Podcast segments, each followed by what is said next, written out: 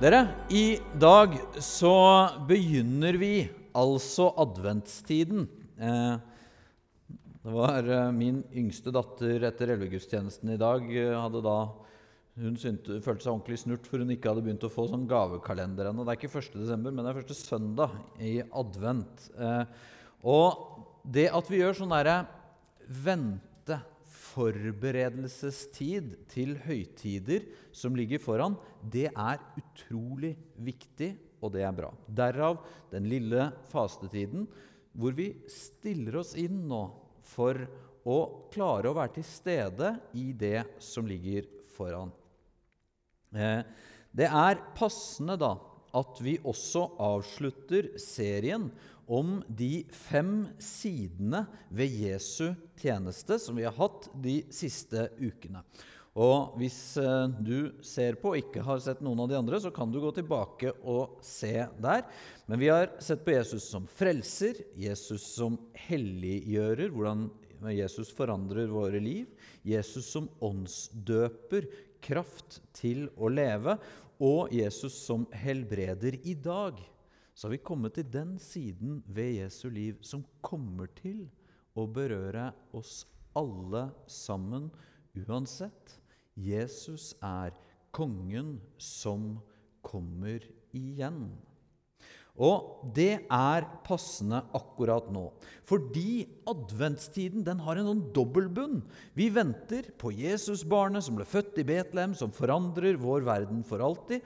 Og vi gleder oss over det fantastiske og håpefulle mirakelet som julen er. Samtidig så venter vi også på at Jesus skal komme igjen. Alle kirker gjennom hele historien har forkynt det som vi også sier i trosbekjennelsen, at Jesus skal komme igjen. For Jesus er ikke ferdig med vår verden. Så i dag så vil jeg derfor stille to spørsmål. Hvorfor skal Jesus komme tilbake?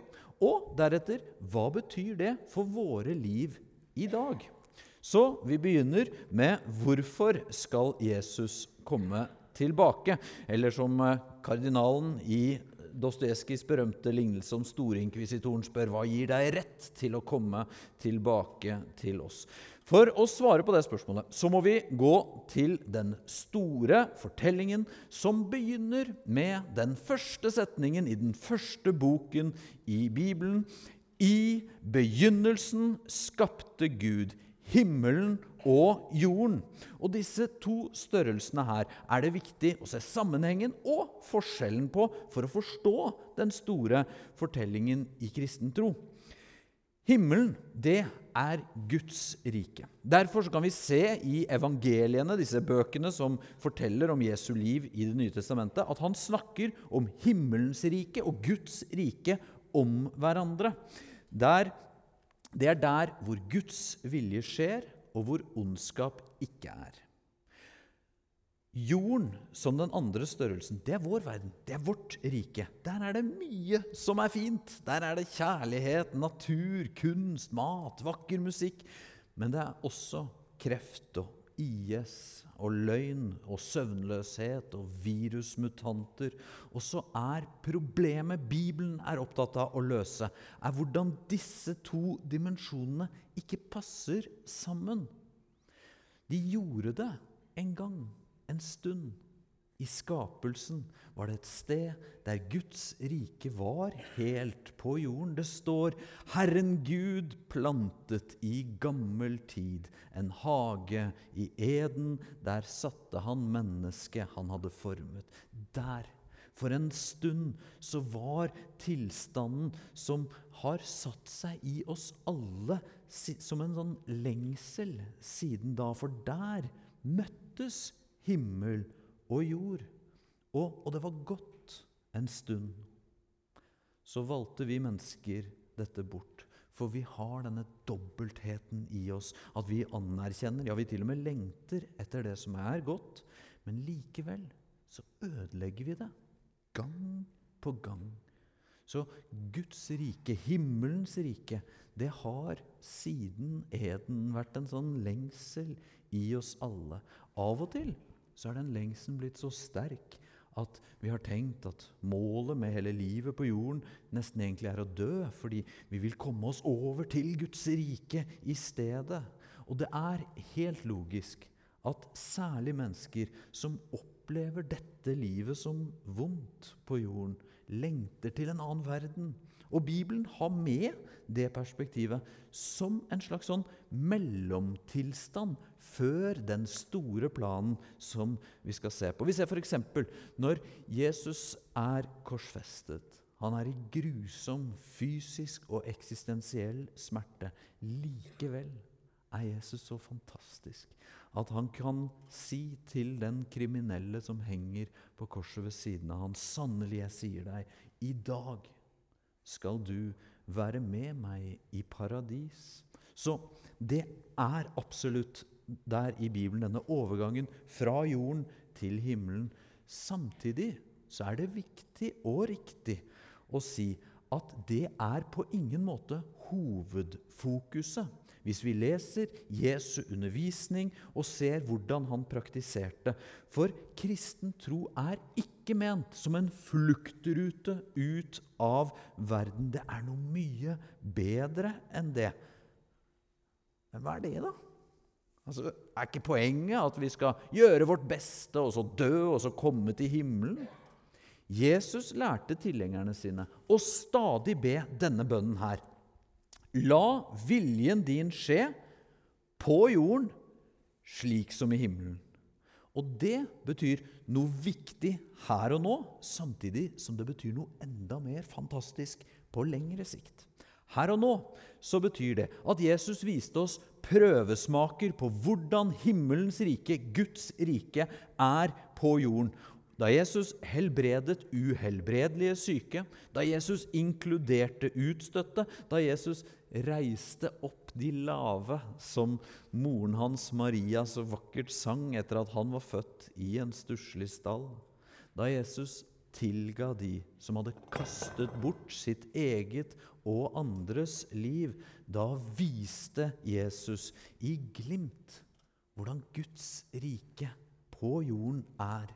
Og det samme får vi gjøre nå, både som enkeltpersoner og som fellesskap gjennom kirkene i verden. Det skapes sånne små lommer av himmelglimt, prøvesmaker av noe som er på vei.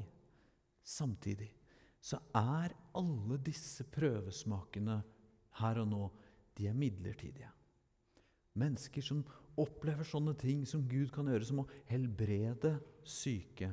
De blir syke igjen på et senere tidspunkt. Mennesker som ødelegger seg selv og hverandre igjen, mobber og utestenger igjen. Så våre liv og hele vår verden er i en forstand en adventstid bestandig. Altså at vi venter. Men hva venter vi på? Venter vi på den, på den exiten, at vi får fly over til himmelen? Ja og nei. Kanskje er det det som vil skje med oss. Men den bibelske visjonen, store fortelling, den stopper ikke der. Den er noe mye større. For på kort sikt så betyr altså denne bønnen om at Guds vilje må skje på jorden som i himmelen, den betyr at det skapes sånne små lommer, prøvesmaker, her på jorden men på lang sikt noe enda større. Hør på det her.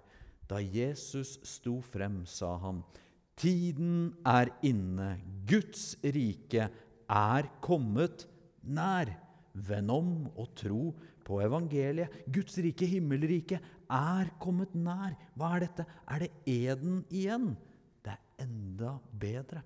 Profeten Jesaja hadde 700 år før Jesus sett noe som han beskrev sånn her. Se, jeg skaper en ny himmel og en ny jord.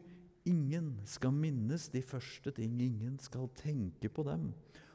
Denne visjonen var det også Jesu tilhengere fortsatt bar på. Så da Peter, Jesu disippel, skrev brev, så skrev han Men etter hans løfte venter vi på en ny himmel og en ny jord hvor rettferdighet bor. Altså de to dimensjonene Jorden og himmelen, som helt siden Eden hadde vært adskilt og ikke mulig å føre sammen, men som Jesus begynte å forene da han sa 'Guds rike er kommet nær', det skal skje helt. Tenk på jo Johannes, Jesu venn. Han hadde sett det meste på dette tidspunktet her. Peter, som vi akkurat leste, som ventet på en ny himmel og ny jord, han var drept. Paulus, han som skrev så vakkert om den kristne troen, den store forfatteren, han var drept av den brutale keiser Nero, som desperat lette etter syndebukker etter den store brannen i Roma. Alle vennene til Johannes som hadde vært der dagene da det fortsatt så så lyst ut, da de som en gjeng fra landsbygda hadde fått gå rundt og bringe håp overalt sammen med Jesus. Nå var de alle døde, og Johannes var igjen alene. Men så er vi jo aldri helt alene. Så Jesus selv kom til Johannes i et syn og Jesus viste Johannes hvordan hele historien skal slutte, hvorfor det alltid er håp, hvorfor det aldri er over, selv når Roma brenner og alle vennene er døde. Og Johannes han skrev ned det Jesus sa. Og jeg så en ny himmel og en ny jord. For den første himmel og den første jord var borte, og havet fantes ikke mer. Igjen Ny himmel og ny jord. Det med havet har jeg alltid syntes er litt surt, for jeg er veldig glad i sjøen. Særlig i Oslofjorden. Men for Johannes og hans samtidig så representerte havet kaos og mørke og det uregjerlig truende. Så i den funksjonen er det iallfall borte. Men hør hva han sier videre. Og jeg så, sier Johannes, den hellige byen det nye Jerusalem stige ned fra himmelen, fra Gud, gjort i stand og pyntet som en brud for sin brudgom. Altså, Her er det ikke snakk om at vi flyr bort, men at Guds rike kommer her. Skal det ikke lenger være to adskilte dimensjoner? Nei, det er akkurat det som skal skje. Johannes forteller videre. Og jeg hørte fra tronen en høy røst som sa, Se, Guds bolig er hos menneskene. Han skal bo hos dem, og de skal være hans folk. Og Gud selv skal være hos dem. Han skal være deres Gud. Ser du, Johannes? Ja, jeg vet. Akkurat nå ser det håpløst ut. Men bare vent. Det kommer. Guds rike er på vei. En dag skal alt det som ser stort og sterkt og skummelt ut, være borte, Johannes. Og Jesus fortsatte å trøste han og si, 'Han som sitter på tronen, sa, se, jeg gjør alle ting nye.' Og det er en vakker tanke. Tenk alt vi vet som er ødelagt. Det blir helt igjen. Men kanskje Johannes var som vi ofte er, at han da ble sittende og tenke på hvor mye som tross alt hadde gått galt. Alle, særlig de siste årene med den første kirken. Og kanskje Johannes lurte på om det ikke var så sikkert. Jesus skjønner hva vi tenker, så han fortsatte til Johannes. Og han la til, skriv det ned, for dette er troverdige og sanne ord så sa han til meg, 'Det er skjedd. Jeg er alfa og omega, A og begynnelsen og enden.' Og i denne visjonen så ser vi svaret på spørsmålet vi begynte med. Hvorfor skal Jesus komme igjen? Det er for å bringe en ny himmel og en ny jord. Altså ikke lenger adskilt og utilgjengelig. Ikke lenger begrenset eller midlertidig, som eden var, eller som disse prøvesmakene vi kan gi, men fullstendig. Og ja, endelig skal det være sånn som Johannes forteller om Jesus. At han skal tørke bort hver tåre fra deres øyne. Og døden skal ikke være mer. Heller ikke sorg eller skrik eller smerte. så er det veldig mange detaljspørsmål som vi gjerne skulle hatt svaret på. Om når og hvordan dette her vil skje. Men Bibelen er ikke veldig spesifikk på dette. Den snakker i metaforer, bilder, om det himmelske, fordi vi er jordiske, dødelige, begrenset og har nok ikke apparat til å kunne forstå eller beskrive Guds rike. Men det vi vet, det er at Gud den dagen det kommer helt, skal rette opp igjen all urett. Den gamle profeten Jeremia han fikk se et glimt av den dagen og beskrev det sånn. På den tiden skal de kalle Jerusalem for Herrens trone. Der skal alle folkeslag samle seg i Herrens navn i Jerusalem, den hellige byen som Johannes beskrev. De skal ikke lenger følge sitt onde og egenrådige hjerte. Så Jesus kom, og Jesus kommer igjen. Da blir det neste spørsmål, da.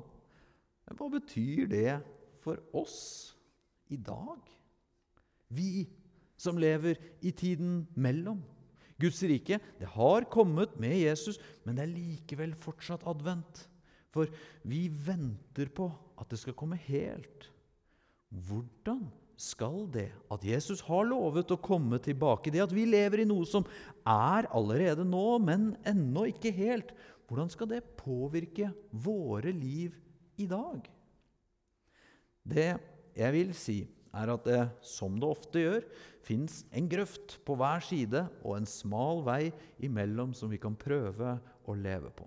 Den ene grøften vil jeg kalle spekulasjonsgrøften. Det er det som skjer når sannheten om at Jesus skal komme igjen, fører til en sånn overfokusering hos oss på når og hvordan det vil skje. Altså at hovedsaken, Guds frelsesplan, den store fortellingen, det sentrale i troen, altså det Bibelen kaller evangeliet, Guds kjærlighet til oss, det kommer liksom litt i bakgrunnen. I stedet så blir det spekulasjoner om detaljer og tidspunkter og tolkning av koder og hint og tvilsom bruk av enkelt bibelvers. Dette er ikke noe nytt. Paulus måtte advare Timoteus, en av lederne i den første kirken, mot sånne folk. Han sa, 'Da jeg dro til Makedonia, ba jeg deg bli igjen i Efesus, så du kunne forby enkelte å komme med en annen lære, eller være opptatt av myter og endeløse slektstavler og YouTube-videoer, for slikt fører bare til spekulasjoner og tjener ikke Guds frelsesplan, der det dreier seg om tro. Problemet med den grøften, spekulasjonsgrøften er at folk her har blitt lammet i livet. Er man i den grøften, så, så, bygger man ikke noe langsiktig, for Jesus kommer så snart igjen. Man tenker vi trenger ikke å ta ansvar for å bygge institusjoner, ta vare på naturen eller samfunnet som helhet, for alt er bare kortsiktig uansett. Og en del her er også blitt lammet av frykt. Fordi spekulasjonene har ikke bidratt til trygghet i troen på Jesus, men i stedet frykt for om han selv får være med. Så har vi den motsatte grøften, og den kaller jeg komfortgrøften. Den kommer vi når vi syns at livet her og nå er altså så godt at vi slutter å vente på kongen som skal komme tilbake. Vi slutter slutter og venter på at Jesus skal bringe Guds rike helt. I denne grøften så tenker vi det har da tatt så lang tid eh, at det er så fjernt at jeg kan ikke la det påvirke hvordan jeg lever her og nå. I komfortgrøften så blir jo Guds rike det blir mindre og mindre viktig for oss. Og så blir perspektivet vårt også her kortsiktig, for da forholder vi oss jo bare til det vi har her og nå, og ikke til Guds rike som er på vei. I begge disse grøftene her så reduseres Jesus til nesten å bare bli en slags sånn inngangsbillett til det neste livet, og effekten for livet her og nå blir redusert. Men Jesus ba oss om å leve livet her og nå i lys av hans løfte om å komme tilbake, for da forvalter vi de dyrebare dagene vi har. Ok, Men, men hvordan funker det, da? Hvilken effekt vil det ha på livet nå å vite at Jesus skal komme tilbake? Flere ting, men jeg vil løfte frem to effekter nå. Det hjelper oss å prioritere klokt, og det lar oss leve med håp. Se på å prioritere først. Poenget med å fortelle at Jesus kommer igjen, er jo ikke at det er sånn spennende å drive og spå om fremtiden, men det er for at vi skal leve livene våre i lys av det som er på vei. Jesus sa, 'Vær lik tjenere som venter på sin herre hjem fra bryllupsfest og står klare til å lukke opp for han så snart han kommer og banker på.' Hvis vi tror at Jesus kommer tilbake, og med det skaper en ny himmel og en ny jord, hva blir det da viktig å satse på og prioritere i livet?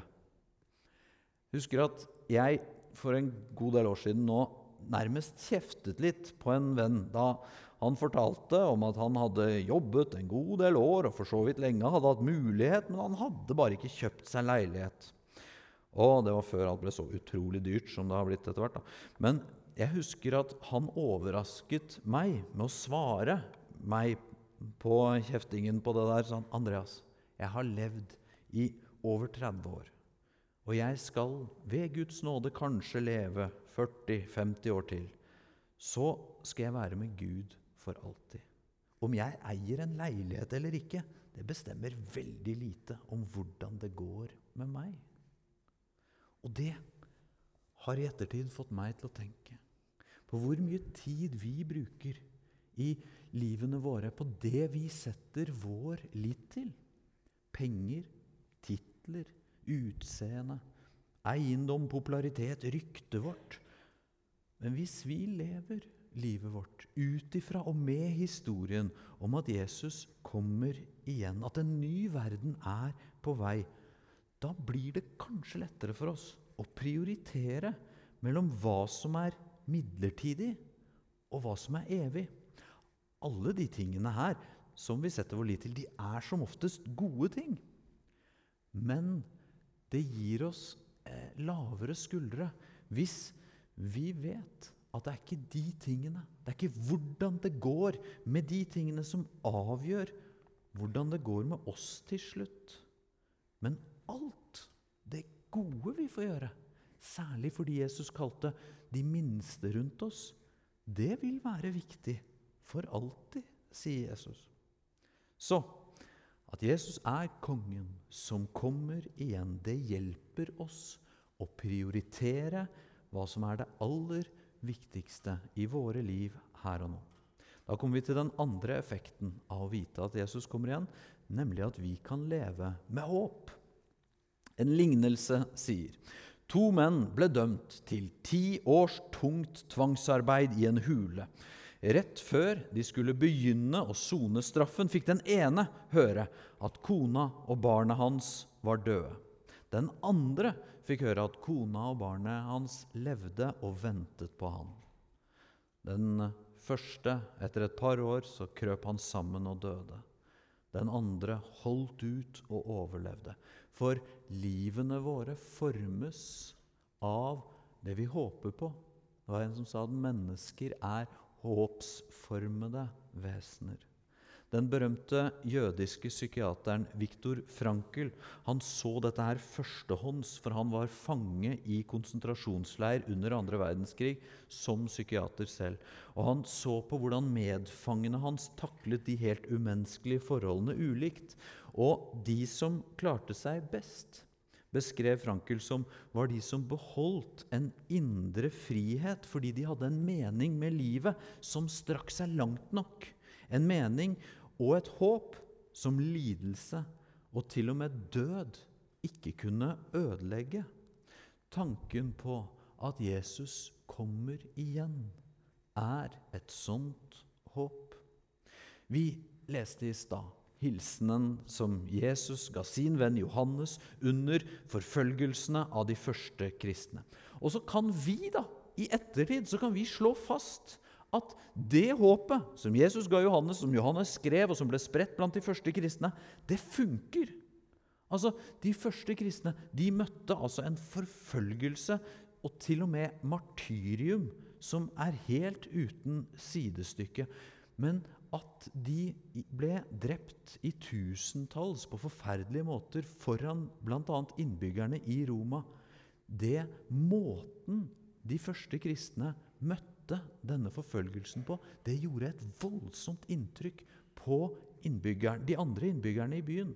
De, de så at de møtte døden med et mot og en fred som ingen andre viste.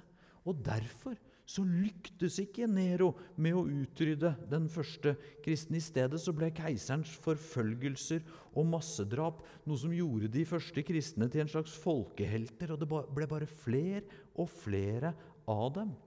Derfor kirkefader Tertulian slo i det andre århundret fast at martyrene de er som kirkens såkorn. De begraves, men så står de opp, og så føder det bare flere. Ingen av oss vil nok måtte møte det de første kristne møtte. Men vi vil møte vanskeligheter.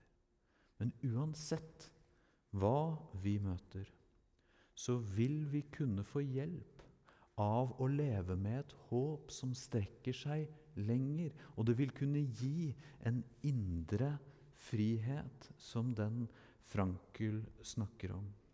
Jesus Kristus kommer igjen. Han kommer til å fullføre historien om en ny himmel og en ny jord. Og dette, det er en gledelig og en trøstende historie.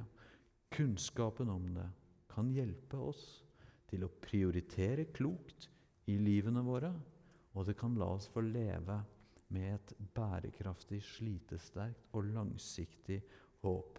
Håp for verden og håp for oss selv. Skal vi be en bønn sammen?